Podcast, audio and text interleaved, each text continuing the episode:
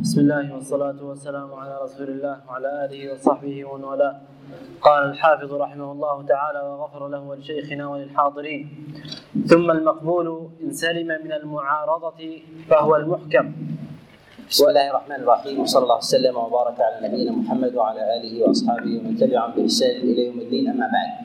ما يتعلق بتقسيم الأحاديث وأنواعها هذا يختلف بحسب الاعتبار الذي يقسم لأجله. ولهذا العلماء تارة يقسمون الحديث إلى قسمين وتارة يقسمونه إلى ثلاثة أقسام. فإذا قسموه إلى قسمين يقولون مقبول ومردود. يقولون مقبول ومردود.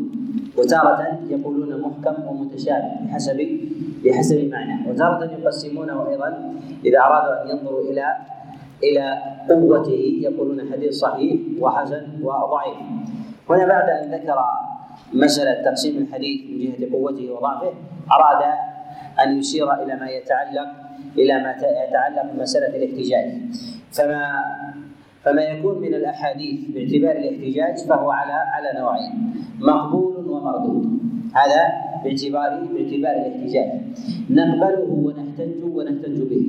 وكذلك أيضا ينبغي أن نفرق بين مسألة الاحتجاج وبين مسألة الاستدلال وبين مسألة الاعتراض. فالاستدلال أقوى أنك لا تستدل إلا بشيء صحيح. أما الاحتجاج فهو دون ذلك مرتبة. وأما الاعتراض فأنت تستأنس وتعضد قولك بدليل ربما لا يكون لا يكون قويا. وأما بالنسبة للاستدلال فالدليل لا بد أن يكون أن يكون صحيحا. وأما مسألة الاحتجاج فقد يحتج الإنسان بما لا يصلح أن يكون دليلا. بما لا يصلح أن يكون دليلا. وذلك كاحتجاجه ببعض الموقوفات والمقطوعات وبأقوال الأئمة وبعض المراسيل ونحو ذلك.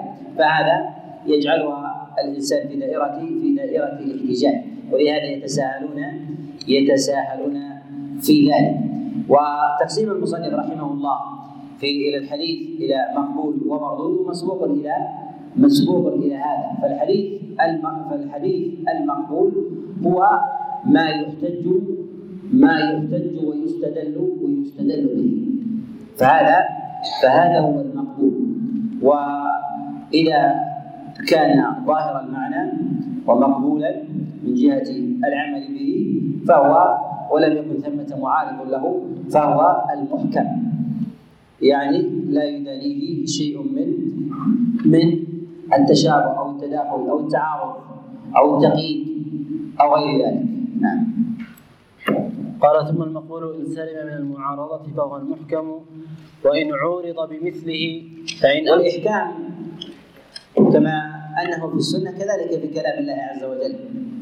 ولهذا يقول الله سبحانه وتعالى في كتابه العظيم هو الذي أنزل عليك الكتاب منه آيات محكمات هن ام الكتاب واخر متشابهات يعني ثمة آيات محكمة وثمة متشابهة وثمة في السنة محكم وثمة متشابه. السنة يكثر فيها يكثر فيها الإحكام. يكثر فيها الإحكام لماذا؟ لأنها تفصيلية. وكلما كان اللفظ عاما دخله التشابه وذلك أنه يدخل فيه ما ليس بغيره. وقد يكون الدليل أو أو الآية أو الحديث في ذاته محكم ولكنه مشتبه عند بعض الناس. ولهذا يقول النبي صلى الله عليه وسلم كما في الصحيحين من حديث النعمان بن بشير قال الحلال بين والحرام بين وبينهما أمور مشتبهات لا يعلمهن كثير من الناس.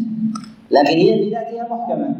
لكن كثير من الناس اشتبهت عليه فأصبحت ليست من الحلال البين ولا من الحرام البين واشتباهها عند كثير من الناس لا يخرجها من أحد النوعين من الحلال أو من الحرام من الحلال أو من من الحرام. ولهذا نقول أنه كلما توسع الإنسان نظرا واستيعابا لجزئيات ومعاني الأدلة وما يضادها وكذلك أيضا للقرائن المحتفة بها ومعرفة أيضا للأدلة القوية وما دونها التي يحتج بها العلماء كمعرفة أدلة الكتاب وأدلة السنة وكذلك معرفة مواضع الإجماع ومراتبه وأقواه وأدناه وكذلك القياس بأنواعه. وعمل الصحابة عليهم رضوان الله وكذلك ما يتعلق بالمصالح المرسلة والاستحسان وغير ذلك مما من الأدلة التي يذكرها الفقهاء. كلما كان بصيرا بها يعرف ما يقدم وما وما يؤخر ويتجلى له ما لا يتجلى ما لا يتجلى لغيره. نعم. قال وإن عورض بمثله فإن أمكن الجمع فهو مختلف. يقول هنا وإن عورض بمثله. يعني إما أن يعارض بمثله وإما أن يعارض بأقوى منه وإما أن يعارض بدونه. أما أن يعارض بمثله فحينئذ لا تستطيع أن تحسم الأمر. قوي يقابل قوي. وإما أن يعارض بما هو دونه فحينئذ يقدم الأقوى. يقدم الأقوى. لماذا نقدم الأقوى؟ مع كون الأدنى قد يكون صحيحا أو حسنا. نقول لأن العادة أن الأئمة يعتدون بنقل وضبط المحكم وما استقر عليه الأمر. وما استقر عليه الأمر ولهذا نقدم الصحيح على الحسن عند التعارض. ونقدم أيضا الصحيح على ما دونه ولو كان في مرتبة الصحيح. فكل صحيح يوجد ما هو أصح أصح منه. ونقدم ما هو أصح في هذا في هذا الباب. نعم. قال وإن عورض بمثله فإن أمكن الجمع فهو مختلف الحديث. يقول إن أمكن الجمع فهو مختلف الحديث. فكيف يكون مختلف الحديث؟ مع إمكان الجمع. إذا جمعنا بين الروايتين حينئذ لم يكن ثمة ثمة إشكال. وإنما أراد المصنف أن يبين أنه مختلف الحديث في ظاهره. مختلف الحديث في الظاهر. ولكن من جهة الحقيقة فإنه يمكن أن يجمع الإنسان في هذا. وهذا كثير في السنة وخاصة في أبواب المنهيات وأبواب المأمورات. أبواب المنهيات وأبواب المأمورات. لذلك في نهي النبي صلى الله عليه وسلم أن يتوضأ الرجل بفضل المرأة. أن يتوضأ الرجل بفضل المرأة. كما جاء ذلك عن النبي صلى الله عليه وسلم في أحاديث في أحاديث كثيرة.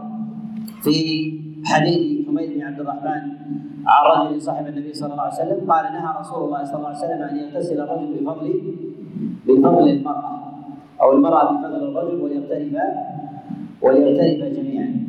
وكذلك جاء النبي عليه الصلاة والسلام في أحاديث أخرى أنه اغتسل بفضل بعض أزواجه. وجاء في حديث النبي عليه الصلاة والسلام اغتسل بفضل ميمونة.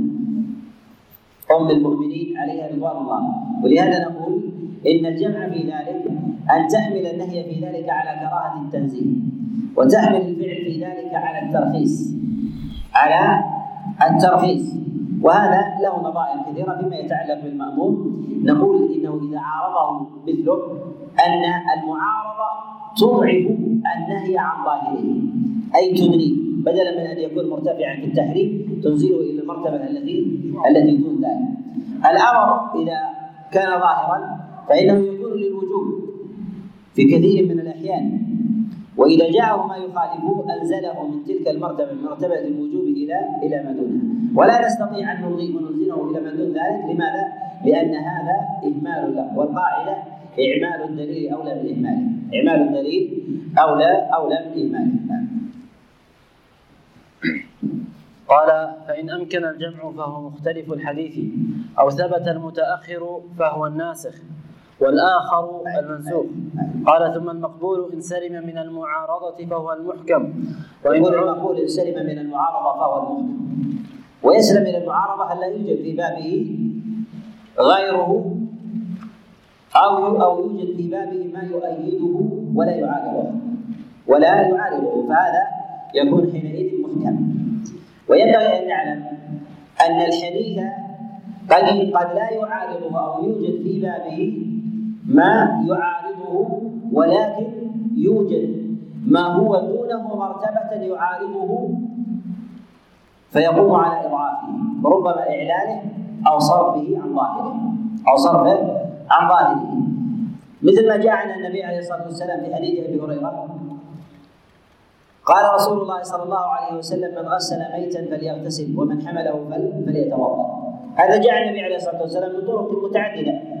منها من حديث من حديث محمد بن عمرو عن أبي سلمة عن أبي هريرة وجاء أيضا من حديث سهيل بن أبي صالح عن أبي عن أبي هريرة وجاء من طرق أخرى مرفوعا وموقوفا.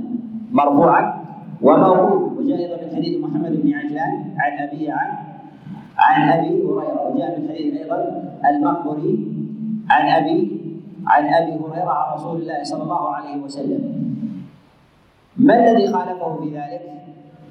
هل يوجد ما يعارض هذا الحديث صراحة عن النبي صلى الله عليه وسلم؟ صراحة لا أعلم في ذلك شيء ولكن الإجماع على خلافه أي إجماع؟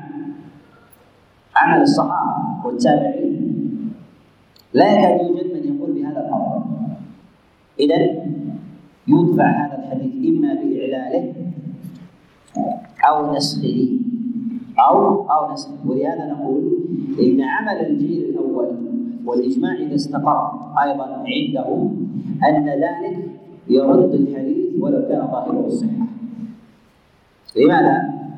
لأن أولى الناس بالاتباع والنقل هم الصحابة. أولى الناس بالنقل والاتباع هم الصحابة عليهم عليهم رضوان الله. فإذا لم يعلموا ولم يعرف عنهم العمل بمثل هذا خاصة فيما تعم به البلوى. فإن النبي صلى الله عليه وسلم يصلي على الجنائز وتغسل وتغسل الجنازة كثيرا ويشهد الصحابة عليهم رضوان الله تعالى ذلك في زمن النبي ومن جاء بعده أيضا. ثم لم يقل بمثل هذا أن جعلوا غسل الميت يوجب الغسل. فنقول حينئذ هذا دليل أو أمارة على صرف الحديث أو رده. على صرف الحديث أو رده ولهذا جاء عن إبراهيم النخعي أنه قال كما رواه أبي زيد قال أي حديث يأتيني عن رسول الله صلى الله عليه وسلم لم يبلغني أن أحدا من الصحابة عمل به لا أبالي أن أرمي به. لماذا؟ أنه لا بد أن يكون هذا الحديث مدخول. ليس استهانة بالحديث أو تقديم قول الصحابة على قول النبي عليه الصلاة والسلام وإنما يريد بذلك أن هذا الحديث دخل أو داخل. إما وهم فيه أو رفع وهو وهو موقوف أو كان منسوخا. أو كان أو كان منسوخا لأن أولى الناس بالعمل خاصة في المسائل الظاهرة من هم؟ الصحابة عليهم الله. وهذه مسألة من المسائل الظاهرة ليست من المسائل من المسائل الخفية. ثم أيضا الحكم في ذلك ثقيل وهو غسل. غسل ليس كغيره. لو كان وضوءا كان مسألة خفيفة. لكن غسل ومثل هذا يتأكد ويشتهي أن من غسل ميتا أو شارك في غسله فإنه يجب عليه أن يغتسل. فينبغي الأدلة أن تظهر في ذلك أكثر من من غيرها شيخ تفضل. شيخ. شيخ الله يحفظكم هنا فإن أمكن الجمع فهو هذه خطأ أتوقع فإن أمكن الجمع فذاك مع معارضة الحديثين. وإلا فمختلف الحديث. لا إله إلا الله. في الكتاب هنا خطأ أمكن الجمع طيب فذاك. هذه نسخة وإلا لحظة لحظة لحظة اصبر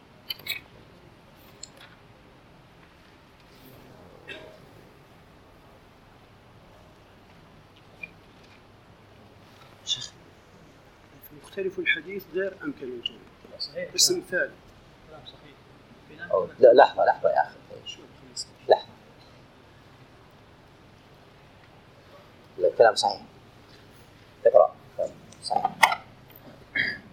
نعم. قال فإن أمكن الجمع فهو مختلف الحديث أو ثبت المتأخر فهو الناسخ. يقول أو ثبت المتأخر. نقول قد يثبت المتأخر ويميز الإنسان المتقدم منه ولكن يمكن حينئذ أن يجمع بينهما إذ لا دلالة صريحة على النسخ. لا دلالة صريحة على النسخ. فنقول حينئذ نصير إلى الجمع لا نصير إلى النسخ. لأن القاعدة أن إعمال الدليل أولى أولى من إهماله فأنت تحافظ على الدليلين وتعمل بهما بدلا من أن تطرح واحدا وتبقي وتبقي واحدا. وتبقي واحدا. ولهذا نقول إن أمكن الجمع ولو كان ثمة تباين إذا لم يكن ثمة دلالة صريحة على النسخ في الحديث. والدلالة إما أن تكون في الحديث وإما أن تكون أيضا بقول الصحابة عليهم رضوان الله ما يرشد إلى ذلك. ولهذا نقول إن معرفة أزمنة الأحاديث وأسباب ورودها مما يعين طالب العلم على ذلك.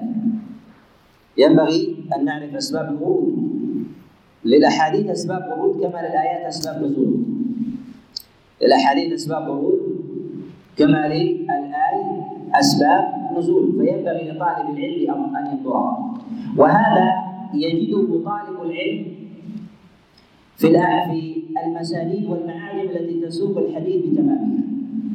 طالب العلم إذا أراد أن يخرج حديثا وأن يحكم عليه وان ينظر في مسألة تضمنها يرجع إلى الكتب المبوبة على الكتب الستة. أم يرجع إلى غيرها؟ يرجع إلى المسانيد والمعاجم لا يرجع إلى الكتب الستة. لماذا؟ لأن الكتب الستة تولد الحديث على الأبواب. فربما اختصرته. فربما اختصرته فلم تولد المناسبة في ذلك. أين توجد أين يوجد الحديث بكامله؟ تاما؟ يوجد في المسانيد كمسند الإمام أحمد وفي المعاجم وغيرها. يجد الحديث كاملا. كما كما روي. أما التي تورد على الأبواب تورد المناسبة ثم تدع الباقي خاصة في الأحاديث الطويلة ولهذا ينبغي الوقوف على الحديث بتمامه حتى تعرف حينئذ المناسبة وثمة مصنفات أيضا في أسباب ورود الحديث عن النبي عليه الصلاة والسلام وللعسكري مصنف في هذا في أسباب ورود الحديث عن رسول الله صلى الله عليه وسلم. نعم. قال فإن أمكن الجمع فهو مختلف الحديث أو ثبت المتأخر فهو الناسخ والآخر المنسوخ وإلا فالترجيح ثم التوقف. ثم المردود إما أن يكون لسقط وثبت مصنفات في هذا في أبواب الناسخ والمنسوخ من أقدمها كتاب الأثرم في الناسخ والمنسوخ وغيرها من المصنفات وثمة كتب أيضا في مشكل الحديث. عن رسول الله صلى الله عليه وسلم في الأحاديث المتعارضة ومحاولة الجمع في هذا ومن أوائل الأئمة الذين اعتنوا في هذا الباب ابن قتيبة وكذلك أيضا الطحاوي في كتابه مشكل الآثار عن رسول الله صلى الله عليه وسلم. نعم. قال ثم المردود إما أن يكون لسقط أو طعن. بس. سقط. سقط نعم. ثم المردود إما أن يكون لسقط أو طعن. فالسقط المردود إما أن يكون لسقط. تقدم الكلام على المقبول. تقدم الكلام على المقبول ثم ذكر المصنف توابع ذلك. ودخل في أشياء. المصنف رحمه الله أشياء هي في ذاتها هي أقرب إلى علوم الدراية الفقهية. أقرب إلى علوم الدراية الفقهية في مسألة الجمع إلى الحديث ولكن ثمة تلازم بين هذا وبين علم العلل أن الحديث إذا وجد ما يعارضه وأن ذلك ربما يؤثر عليه. إذا وجد ما يعارضه ربما كان مؤثرا عليه في صحته. بخلاف الحديث الذي يسلم من المعارضة. بخلاف الحديث الذي يسلم من المعارضة فإنه أقرب إلى إلى الصحة والصواب. وأما المردود وهو الذي لا يقبل ابتداء. لا يقبل ابتداء وهو على مراتب. وذلك أن عدم القبول منها ما يتعلق بالكذب ومنها ما هو بالضعف ومنها أيضا ما يكون الحديث مرجوحا ولا يعمل به وترك وغير ذلك. قال فالسقط إما أن يكون من مبادئ السند من مصنف أو من آخره بعد التابعي أو غير ذلك. فالأول المعلق والثاني الأول المعلق. وهو أحد أنواع المنقطع أحد أنواع الحديث المنقطع. العلماء الأوائل يطلقون الإرسال على كل انقطاع في الإسناد. يطلقون الإرسال على كل انقطاع من الإسناد سواء كان في أوله أو في أوسطه أو في آخره. ثم جاء تقسيم العلماء في قواعد الحديث ومصطلحه بالتفريق بين مواضع الانقطاع ففرقوا بين المعلق وبين المرسل وبين المنقطع وبين المعرض وبين المعرض وبين ما فيه جهاله وإن كان ثبت تداخل بين بعض هذه بعض هذه الأنواع. ولهذا نقول إن مثل هذه التقسيمات تفيد طالب العلم لكن ينبغي أن لا تغره فيلتبس عليه بعض ألفاظ الأئمة الأوائل. فربما يحكمون على حديث يكون هذا حديث مرسل ويريدون بذلك الانقطاع ولا يجد فيه إرسالا فيحمله على المصطلح الذي الذي درسه في كتب القواعد فيفهم مواضع مصطلحات الأئمة فللأئمة اصطلاحات متنوعة في هذا في هذا الباب سواء في الأسانيد أو الحكم على الحديث عامه كذلك أيضا في الحكم على الرواة يتباينون. فقول بعض الأئمة على راوي أنه يكتب حديثه أو يحتج به أو قولهم لا بأس به يختلف عند بعض الأئمة عن غيره. فلهم اصطلاحات في ذلك يعرفها طالب العلم بإدامة النظر والسبر يعرفها طالب العلم بإدامة النظر والسبر بمعرفة إطلاقات الأئمة ومناهجهم ومناهجهم في هذا في هذا الباب. وأما المعلق فسمي معلق لأن الانقطاع هو من أدنى الإسناد. لا من أعلى. حينما يكون لديك سلسلة سلسلة معلقة من السقف ولم تمس الأرض تكون معلقة أو ليست معلقة؟ معلقة لكن إذا كانت متصلة بالأرض ومربوطة بالأرض أنت لا تعلم. بدأت من أعلى ثم نزلت إلى أسفل أو كانت في أسفل وربطت في أعلى. فيكون حينئذ إذا كانت معلقة هي متدلية. وكأن الأمر يرجع إلى إلى علو تابع عن صاحب وصاحب عن رسول الله ورسول الله عن جبريل وجبريل عن من؟ عن الله وكأنه جعل الأمر إلى علو ولكن الإسناد من جهة المصنف أصبح ماذا؟ أصبح معلقا ولهذا النزول نزول الإسناد هو من جهة المصنف فيكون التعليق من جهته. إما أن يكون النقص حلقة واحدة وهو راوي أو راويين أو ثلاثة أو ربما أكثر من ذلك يوصف بالتعليق. ولهذا ما يوجد في البخاري من معلقات التي ليس ليس لها أسانيد. إما أن يقول قال النبي عليه الصلاة والسلام أو قال ابن عمر أو قال ابن عباس أو قال سعيد بن جبير وقال عكرمة. ونحو ذلك فتكون هذه من جملة من جملة المعلقات. لماذا؟ لأن لانها معلقة متصلة بأعلى السند ومنقطعة من جهه من جهة ادناه من جهة ذلك ذلك المصنف وقد يكون المعلق يشترك مع غيره. فيكون التعليق بفقد راوي واحد وهو شيخ المصنف. فيكون حينئذ معلق ومنقطع. معلق ومنقطع. وقد يكون من شيخ المصنف وشيخ شيخه. فيكون معلق ومعضل فيكون معلق ومعضل نعم. قال فالأول المعلق والثاني المرسل. والثالث إن كان باثنين فصاعدا مع التوالي فهو المعضل وإلا فالمنقطع. نعم. ثم قد يكون واضحا أو خفيا. هنا ذكر الإرسال. الإرسال هو ما يسقط منه الصحابي. وبعض العلماء يتحفظ على مثل هذا التعريف بقوله لو كان الصحابي هو الذي سقط وتيقنا من ذلك لما كان الخوض في الاحتجاج بالمرسل من عدمه. ولكن أنه يحتمل أنه سقط مع الصحابي رجل رجل آخر. فاستشكلنا ذلك. قالوا إذا فالمرسل هو ما يرويه التابعي عن رسول الله صلى الله عليه وسلم. قد يوجد تابعي آخر مع الصحابي وقد لا يوجد ويبقى على ارساله ولهذا نقول إن الأصل بالمراسيل الضعف.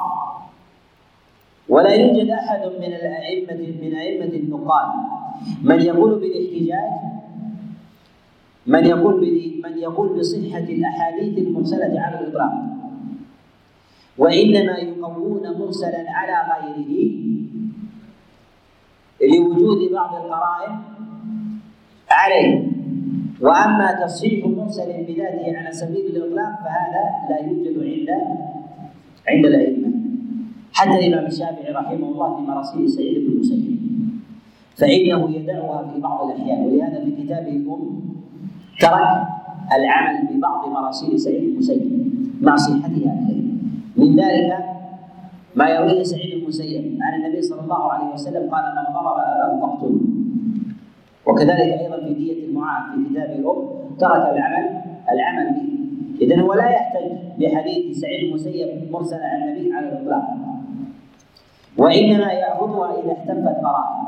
ما هي القرائن التي تعرض المرسل؟ نقول القرائن التي تعرض المرسل كثيرة. منها أن يوجد تعدد لمخارج هذا المرسل.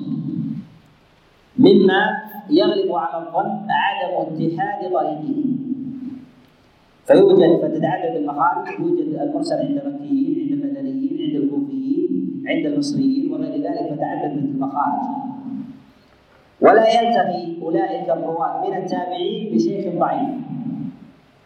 فحينئذ يغلب على ظن تعدد المخرج فهذا من مواضع الاعتراض. ومن مواضع الاعتراض أيضا في المرسل أن لا يخالف ما هو أقوى منه من الحديث المرفوع أو من إجماع الصحابة أو فتي جمهور الصحابة أو الخلفاء الراشدين أو غير ذلك. فهذا مما من القرائن التي تقوي العمل العمل بالمرسل فيكون المعنى حينئذ مستقيما ولا يخالفه في ذلك شيء. كذلك أيضا إذا عرض شيء من أدلة من أدلة الاستدلال كالقياس وكلما كان القياس بذلك قويا كان أقرب إلى الاحتجاج بالمرسل كوجود قياس الأولى أو قياس آه أو أو يوجد قياس الأولى أو الشبه أو ما دون ذلك. كلما ارتفع في ذلك الإرسال كلما ارتفع في ذلك القياس كان الاحتجاج بالمرسل أظهر. وأما إطلاقات العلماء في قولهم مراسيل فلان صحيحة يريدون بذلك المراسيل أن هذه المراسيل هي أصح من غيرها. أصح من غيرها. ولا يدل ولا يدل بذلك صحة هذه المراسيل على على الإطلاق. وإنما قلنا بذلك وحملنا هذا الحمل. وقد يخالف ظواهر كلام الأئمة في قولهم مراسيل فلان صحيحة أننا نجمع بين كلام الأئمة وبين عملهم. حتى لا نتهم أولئك الأئمة بالتعاون والتناقض. فإن الأئمة يقولون مراسيل فلان صحيحة ثم هو في موضع آخر يقول ضعيف. ثم أيضا لا يحتج بها. اذا له مراد في هذا الاغراء مراده في ذلك انكم تعلمون أن هذه المراسيل ضعيفة لكن هذا يختلف عنها. وهو أحسنها حالا ينبغي الا يطرح. ينبغي الا يطرح. نعم. قال والثالث إن كان باثنين فصاعدا مع التوالي فهو المعضل وإلا فالمنقطع. ثم قد يكون واضحا أو خفيا. فالأول يدرك بعدم التلاقي ومن ثم احتيج إلى التاريخ. والثاني المدلس أعد أعد. قال فالسقط إما أن يكون من مبادئ السند من مصنف أو من آخره بعد التابعي أو غير ذلك. فالأول المعلق والثاني المرسل. والثالث إن كان باثنين فصاعدا مع التوالي فهو المعضل وإلا فالمنقطع. ثم قد يكون واضحا أو خفيا. هنا ذكر هذه التقسيمات في أبواب المردود. في باب في باب المردود. وتقدم معنا أنه ليس كل منقطع مردود وإنما هذا هو الأغلب للمضطرب وإنما هذا هو الأغلب لا للمضطرب نعم. قال فالأول يدرك بعدم التلاقي ومن ثم احتيج إلى التاريخ. والثاني المدلل. ولهذا نقول إن طالب العلم يكون بصيرا بمعرفة دوافع أمثال هذه العلل ومعرفة القرائن. إذا كان بصيرا بمعرفة الرواة ومعرفة بلدانهم ومعرفة شيوخهم وكذلك طول أخذهم ومعرفة أعمالهم. معرفة أعمالهم. يعرف المواليد والوفيات وطول العمر. عمر هذا الراوي من جهة عمره في آخره وطول تمداد الحديث لديه من جهة ضبطه ونحو ذلك. فالذي يأخذ متأخر يختلف عن الذي يأخذ متقدم. الذي يأخذ متقدم ويجالس العلماء قد يكون قد تكرر لديه الحديث كثيرا واضبط أضبط من غيره. وكذلك أيضا يعرف مواضع الانقطاع من غيره. تارة يكون الانقطاع مدفوع. ويصح الحديث. وتارة يكون ثمة اتصال ويعين الحديث. لماذا؟ لأن الاتصال ليس ليس زمنا طويلا. تقدم الإشارة معنا إلى هذا أن الحديث المنقطع إذا فقدنا راوي من الرواة في حلقة من الإسناد إذا وجدنا قرائن احتفت ثم دفعت هذه العلة نصحح الحديث المنقطع. أحيانا نشدد في الاتصال مع ثبوته. نشدد في الاتصال مع ثبوته. وإذا سئلنا عنها أثبتناه ولكن نعيد ذلك لماذا؟ لأن الاتصال ليس طويلا. بمعنى أن الراوي على ما تقدم أن يكون عمره 80 سنة. الراوي يكون عمره 80 التلميذ ولد في آخر زمن الشيخ قبل وفاته ب 20 سنة. إذا سمع منه بنحو 10 أو خمس أم خمس سنوات. في الأحاديث الكبيرة القوية أو نحو ذلك. إذا كان الشيخ ممن يكثر بالرواية وله أصحاب كبار يروون عنه هذا أليس علة وليس بعلة؟ علة. ما هي سبب العلة؟ سبب العلة أن الاتصال ليس ليس قويا وقويا. نحن مع كوننا نثبته فكيف صح؟ دفعنا علة انقطاع ظاهر متباين في حلقة مفقودة ودفعناها بقرائن. وأعلنا اتصالا ظاهرا وشددنا وطلبنا زمنا من الاتصال طويلا زمن من الاتصال طويل أليس في هذا تعارض بين الأمرين؟ ثمة تعارض بين الأمرين لماذا؟ لأن هذا الحديث الذي يروي حديث كبير ينبغي ألا يبقى في صدر العالم إلا وقد أخرجه مرارا فبقاؤه في نفسه خمسين سنة أو أربعين سنة ولم يروي إلا في آخر حياته أمارة إما على وهم التلميذ أو تحفظ الشيخ على مثل هذا الحديث فأخرجه في آخر عمره تأثما. خشية أن يبقى لديه. هذا الحديث فأخرجه مع غلبة ظن بوهمه أو نسيانه أو عدم أو عدم ضبطه. نعم. قال فالأول يدرك بعدم التلاقي ومن ثم احتيج إلى التاريخ. والثاني المدلس ويرد بصيغة تحتمل اللقي كعن وقال. التدليس مأخوذ من الدلس وهو اختلاط ظلمة الليل بنور النهار. كذلك أيضا بالتدليس هو اختلاط الشيء بشيء آخر أو شيء بأشياء حتى لا يميز الإنسان بينهما. فلا يميز الإنسان مثلا بين الاتصال والانقطاع أو بين راويين إما أن يكون في الراوي أو يكون ذلك في السمع نعم. قال وكذا والثاني المدلس ويرد بصيغة تحتمل اللقي كعن وقال. وكذا المرسل الخفي من معاصر لم يلقى وفي بعض النسخ من حدث عنه. ثم الطعن. أما بالنسبة الإرسال تقدم الإشارة إليه وثمة مصنفات الأئمة عليه رحمة الله في ذلك؟ تسمى كتب المراسيل. منهم من يريد في كتب المراسيل وسقوط الصحابي ورواية التابع عن النبي عليه الصلاة والسلام ومنهم من يريد بذلك الانقطاع فلان لم يسمع. من حدث عنه لم يسمع من فلان. وذلك كالمراسيل لابن أبي حاتم وكذلك أيضا المراسيل العلائي وثمة مصنفات في ذلك أيضا كتاب المراسيل ابي داود بذلك هو ما يرويه التابعون عن رسول الله صلى الله عليه وسلم لهذا نقول إن معرفة مواضع الانقطاع وأنواع الانقطاع هذا مما يعطي آه، طالب العلم معرفة بإمكان دفع العلة أو عدم أو عدم دفعها بحسب قوة تلك العلة. ثلاثة شيخ. اي طيب. إيش تقول؟ الله يصلحك. ساقط؟ شوفها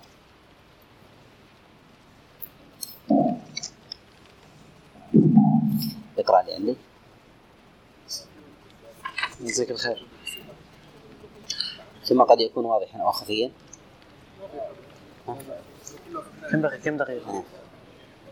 والثالث من 16 17 أكمل شيخ حصل في خلل بعد ربع ساعة. آه في سقط في سقط أخوان. قلت أي زيادة أنا بضيف أضيفوها. عيد من وين؟ انت الأول بعد التاريخ عند التاريخ بعد التاريخ الثاني والثاني المدلس والثاني المدلس ويرد بصيغة تحتمل اللقي. والثاني المدلس ويرد بصيغة تحتمل اللقي. كعن وقال وكذا المرسل الخفي من معاصر لم يلقى. بعد شيء. تمام هيك؟ والثاني المدلس ويرد بصيغة تحتمل اللقي كعن وقال وكذا المرسل الخفي من معاصر لم يلقى.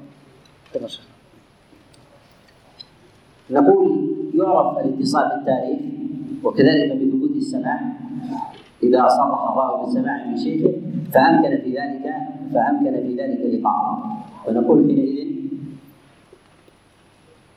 فنقول حينئذ بغلبة الظن بثبوت السماع بذلك فنأخذ بهذا والعلماء في ذلك بين آه، متشدد وبين من هو دون دون ذلك. ولهذا البخاري رحمه الله يشترط في ذلك شروطا لا يشترطها غيره كالإمام مسلم رحمه الله ومعلوم الخلاف بينهما في مسألة في مسألة اشتراط اشتراط اللغة فالبخاري رحمه الله يشترط في ذلك ثبوت ثبوت اللغة وأما بالنسبة للإمام مسلم رحمه الله فإنه لا يشترط ذلك وإنما يشترط في ذلك المعاصرة وإمكان اللغة. المعاصرة وامكانه فإذا كان ثمة إمكان فلا يلزم من ذلك.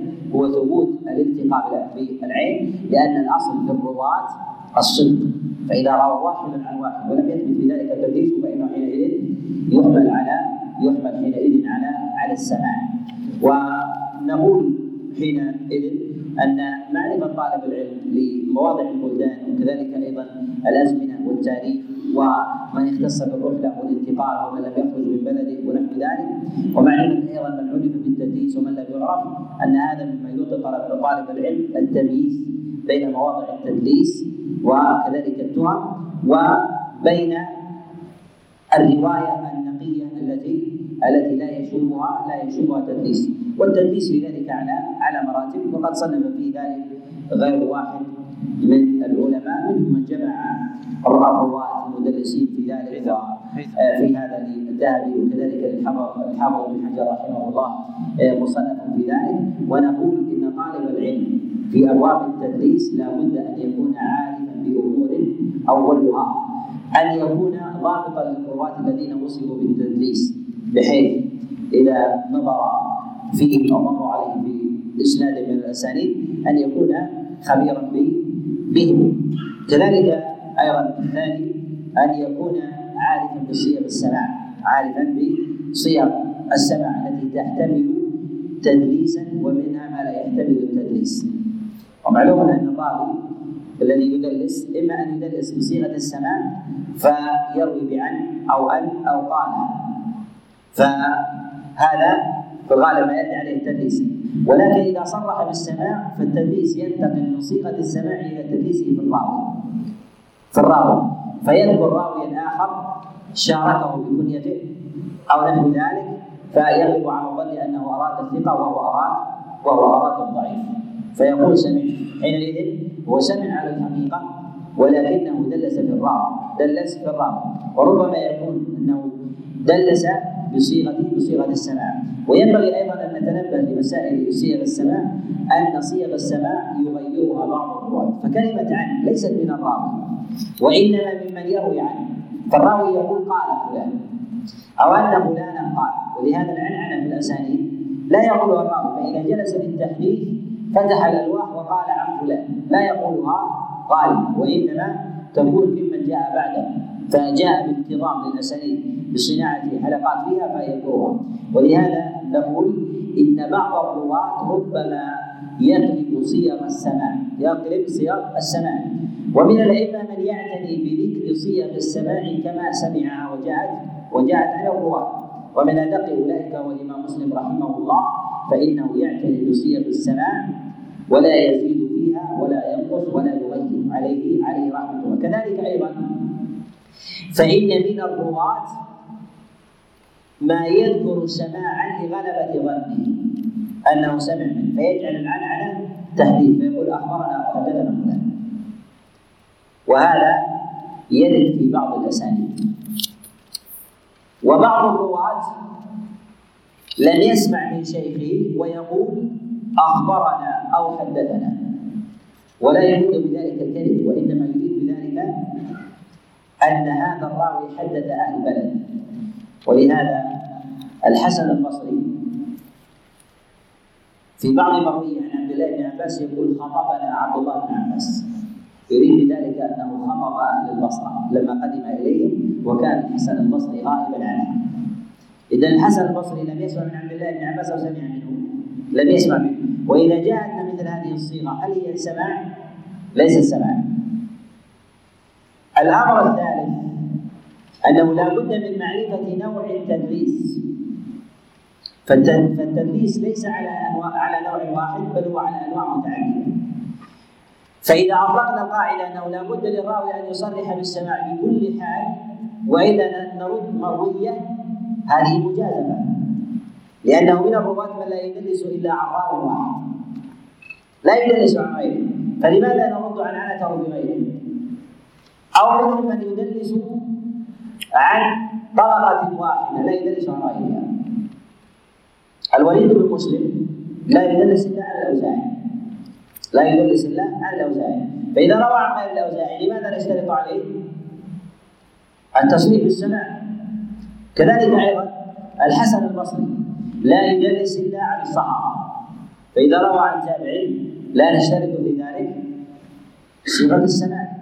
وإذا التزمنا بما يذكره بعض المحدثين أن المدلس إذا عن عن لا تقبل روايته حتى يصرح بالسمع هذا إطلاق صحيح وليس بصحيح؟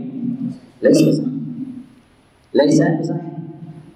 بل نقول إن معرفة نوع التدليس الذي يدلس فيه ذلك الراوي لا بد من معرفته وتحديد مساره ثم بعد ذلك ننظر في مسألة صيغة السمع فالحسن البصري لا يدلس عن التابعين. إذا روى عن تابع فهو على سماع. وإشكاله هو في من يروي عنهم من الصحابة ولم يسمع منهم ولم يسمع منهم منهم شيئا. الأمر الرابع أن ينظر في القلة والكثرة في التدليس. فيوجد من الرواة من هو مقل ومن هو مكثر في التدليس.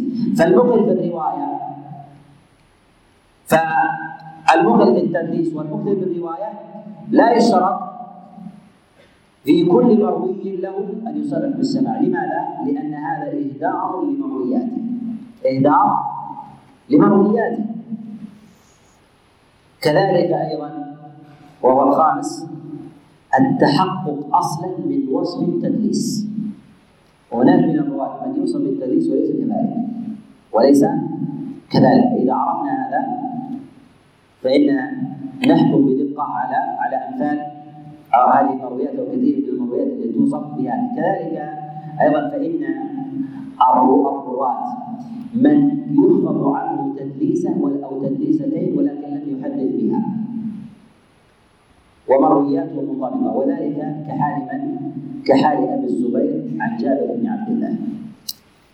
أبو الزبير يحدث عن جابر بن عبد الله بسماع تارة وهو الأكثر وبغير سماع وهو وهو غريب ولم يثبت عنه التدليس في حديث واحد فيما أعلم والتدليس يثبت بحاله. الحالة الأولى أنه يروي الحديث عن شيخه ثم يثبت من طريق آخر أنه ذكر الواسطة فهذا فهذا التدليس. الثاني أن الأئمة يذكرون دلس على حد دلس بحديث بعينه فيقول دلس الحديث الفلاني. وأما ذكر بعض الأئمة عنه أنه دلس نعم نقول دلس ولكنه لم يحدث ولم يكتب عنه شيء من ذلك. وإنما دلس في ابتداء امره في بعض مرويه. لهذا بعض الأئمة ينسب عنه مسألة التدليس وذلك كالليث وغيره من من الأئمة. لهذا نقول إنه لا بد من معرفة نوعه وكذلك أيضا معرفه معرفة صحته صحة التدليس وثبوته كثره كثرة وقله المغيرة يروي عن إبراهيم النخعي. يقول الحافظ بن حجر وهو كثير التدليس خاصة عن إبراهيم. ولكن مروي عن إبراهيم كثير جدا. ولا نرد ونطالب في كل مرويه بصيغة السماع منه. لماذا؟ لأن غالب مرويه عن إبراهيم هو موقوفات ومقطوعات. موقوفات ومقطوعات. وثم إن مرويا كثير جدا لا نرد به ذلك لمجرد وصفه بالتدليس. طيب. ليش تأخر الإعلان؟ تأخر الإعلان؟ لا لا بس حسب غلط مع الشباب. قال لي الأذان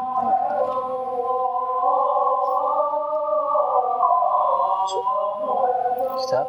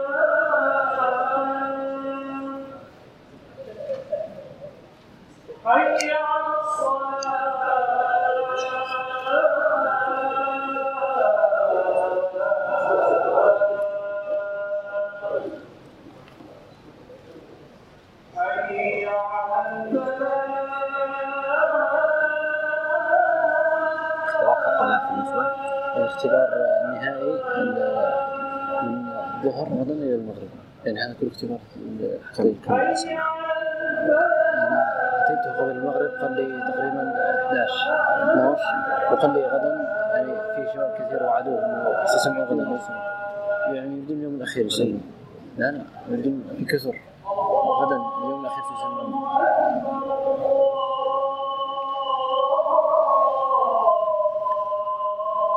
بعث لي رسالة الشيخ جلالنا يقول له كم عدد المسجلين في النخبة؟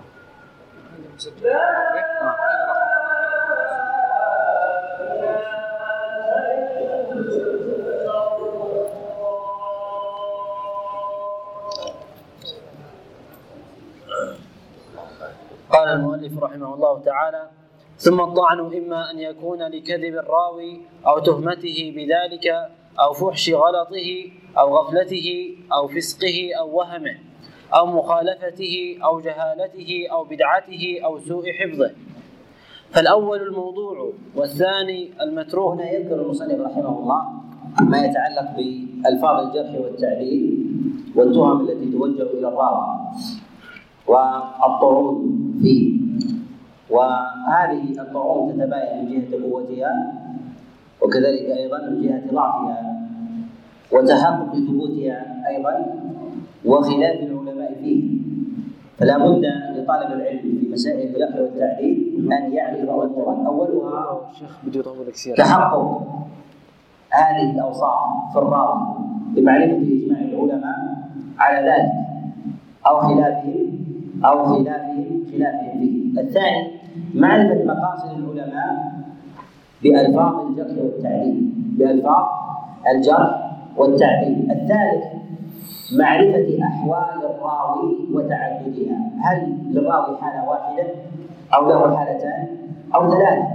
فمنهم من اختلط فله رواية قبل الاختلاط وما بعد الاختلاط فالتضعيف مثلا يكون في زمن اختلاطه والتوثيق يكون ما ما ما قبل ما قبل اختلاطه أو ربما يضعف في راوي ويوثق في غيره ونحو ذلك فيعرف موضع موضع الجرح حتى لا يهدر لا يهدر الرواية ب- بجميعها. نعم. قال فالأول الموضوع والثاني المتروك؟ يقول والاول الموضوع. سمي موضوعا سمي الحديث بالموضوع إذا اتهم الإنسان بالكذب أو وضع الحديث أو اختلاقه. أو الدجل أو غير ذلك من الفاظ من ألفاظ الكذب يسمى الحديث موضوع وكل راو وكل حديث في إسناده كذاب أو متهم بالكذب أو بالدجل أو باختلاق الحديث فهذا فحديثه موضوع. ولو كان المتن مستقيما لأنه ما كل كذاب يكذب في كل قوله قد يصدق مرة أو مرتين. ولكن يغلق هذا الباب ويوصف حديثه بالكذب لماذا؟ لأن الحديث لا يمكن أن ينفرد ولا يقع إلا في فم في فم كذاب. لا بد أن يحفظ من غيره. ولهذا يغلق هذا الباب وكل إسناد تفرد به راوي كذاب فيوصف حديثه حينئذ بالوضع ولو كان المتن في ذلك مستقيما. ولو كان المتن في ذلك مستقيما. لأننا نلتفت إلى إثبات صحة قول النبي لا إلى إثبات صحة المعنى. ليس كل معنى صحيح نسيبه للنبي عليه الصلاة والسلام وإلا كان كل أقوال الناس صح من صحيح المعاني جعلناها من قول النبي عليه الصلاة والسلام. فلا نلتفت لهذا وإنما نلتفت إلى صحة الاسناد بثبوته عن رسول الله صلى الله عليه وسلم. سمي موضوعا من وضع الشيء. وضع فلان كذا وكذا في موضع كذا وكذا وكأنه أخذ هذا الشيء ووضعه في في حياض السنة ولم يضعه رسول الله صلى الله عليه وسلم. فهو وضاع وكذاب والحديث الموضوع وجوده كعدمه الذي فيه وضاع وجوده كعدمه لا يعبد أحدا ولا يعبده أحد. لا يعبد غيره ولا غيره يعبد. نعم. قال فالأول الموضوع والثاني المتروك والثالث المنكر على المتروك أيضا وإن كان دون الوضع لا نحكم عليه بالكذب ما فيه راوي متروك الحديث أو ضعيف جدا وأشباه هذه الألفاظ فنقول إن هذا الحديث ضعيف جدا. ووجوده كعدمه أيضا. وجوده كعدمه. بمعنى أننا لا نعتبر به في أبواب الشواهد. نعم. قال والثالث المنكر على رأي وكذا الرابع والخامس. يقول والثالث المنكر على رأي. الأصل في النكارة على ما تقدم الكلام عليه هو عدم معرفة الشيء قبل قبل سماعه أو قبل قبل رؤيته. وهذا يختلف بحسب حفظ الراوي. إذا تفرد راوي برواية ولم تكن معروفة عند الأئمة فيصفون مثل هذه الرواية بالنكارة. أو مخالفة غيرها من الروايات. فإذا خالف الحديث المستفيض عن النبي عليه الصلاة والسلام فجاء وخالفها يصفون هذا الحديث بالنكارة والنكارة إذا أطلقها العلماء قد تطرح الحديث وقد لا تطرحه. قد لا تطرحه باعتبار أن الأئمة وصفوه بالنكارة يعني لم يروه أحد غيره من الرواة. وقد تطرحه إذا وجد الأحاديث المستفيضة من هي أقوى منه وخالفته حينئذ يعتبر هذا الحديث شديد الطرح. نعم. قال ثم الوهم إن اطلع عليه بالقرائن وجمع الطرق فالمعلل. الوهم الذي يقع في الحديث يختلف الوقوف عليه بسبب بحسب بحسب قوة الوهم الوارد في الحديث أو ضعفه. قد يكون الوهم في ذلك ظاهر بقلب الحديث كاملا أو في لفظة معينة أو اختصاره أو قلب حرف فيه مما يكون وهم وهذا يعرفه يعرفه الإنسان بحسب حفظه. وربما كما أن الإنسان يرى بعينه الباصره دقائق الأمور ولا يراها غيره لحفظ بصره ونظره. كذلك أيضا بالنسبة لبصيرة الإنسان في العلاج. يدرك ما لا يدركه غيره. إذا كان من أهل إدامة النظر والحفظ والحفظ في ذلك. والوهم له قرائن في معرفته. منها أن يكون الراوي ليس بضابط فهو من مظنة الوهم والغلط. وهذا يعرف في كلام العلماء إذا تكلموا على رأوي فقالوا خفيف الضبط أو ضعيف الحفظ أو لين الحديث أو شيخ أو غير ذلك من الألفاظ التي توهم الراوي شيئا. منها أيضا أن يخالفه غيره بالمتن من هو أقوى منه. والخلاف عنده في ذلك وهو دون غيره ممن هو أوثق من فحينئذ يغلب عليه أنه وهم في هذا الحديث. الثالث أن يكون الحديث طويلا لا يحمله مثل هذا الراوي. فالأحاديث الطويلة تحتاج إلى الكبار فيقع فيها خلل.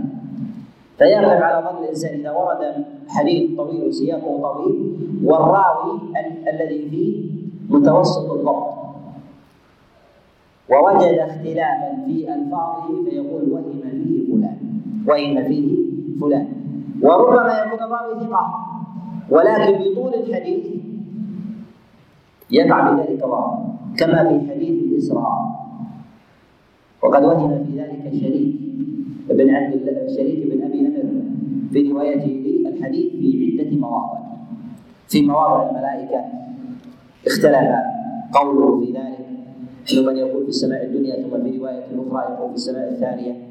منها يجعله يجعله في الثالثه ويختلف ويجعله في الخامسه ونحو ذلك. هذا وهم لطول سياق قصة الإسراء. وقع لديه شيء من من هذا. وكلما تكون الحديث الحديث قصيرة يكون الإنسان لا لا أضبط من من غيره. نعم.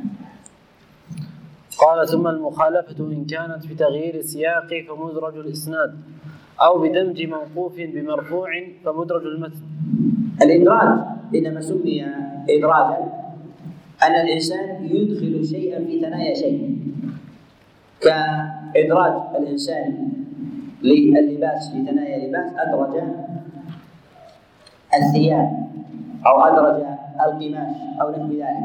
فيكون إدراجا في ثنايا الحديث ويعرف ذلك بأحوال. منها حفظ الراوي وهذا أولا حفظ الناقل بمعرفة الألفاظ النبوية عن غيرها. وذلك لكثرة محفوظه. حفظ الناقل بمعرفة الألفاظ النبوية عن عن غيرها.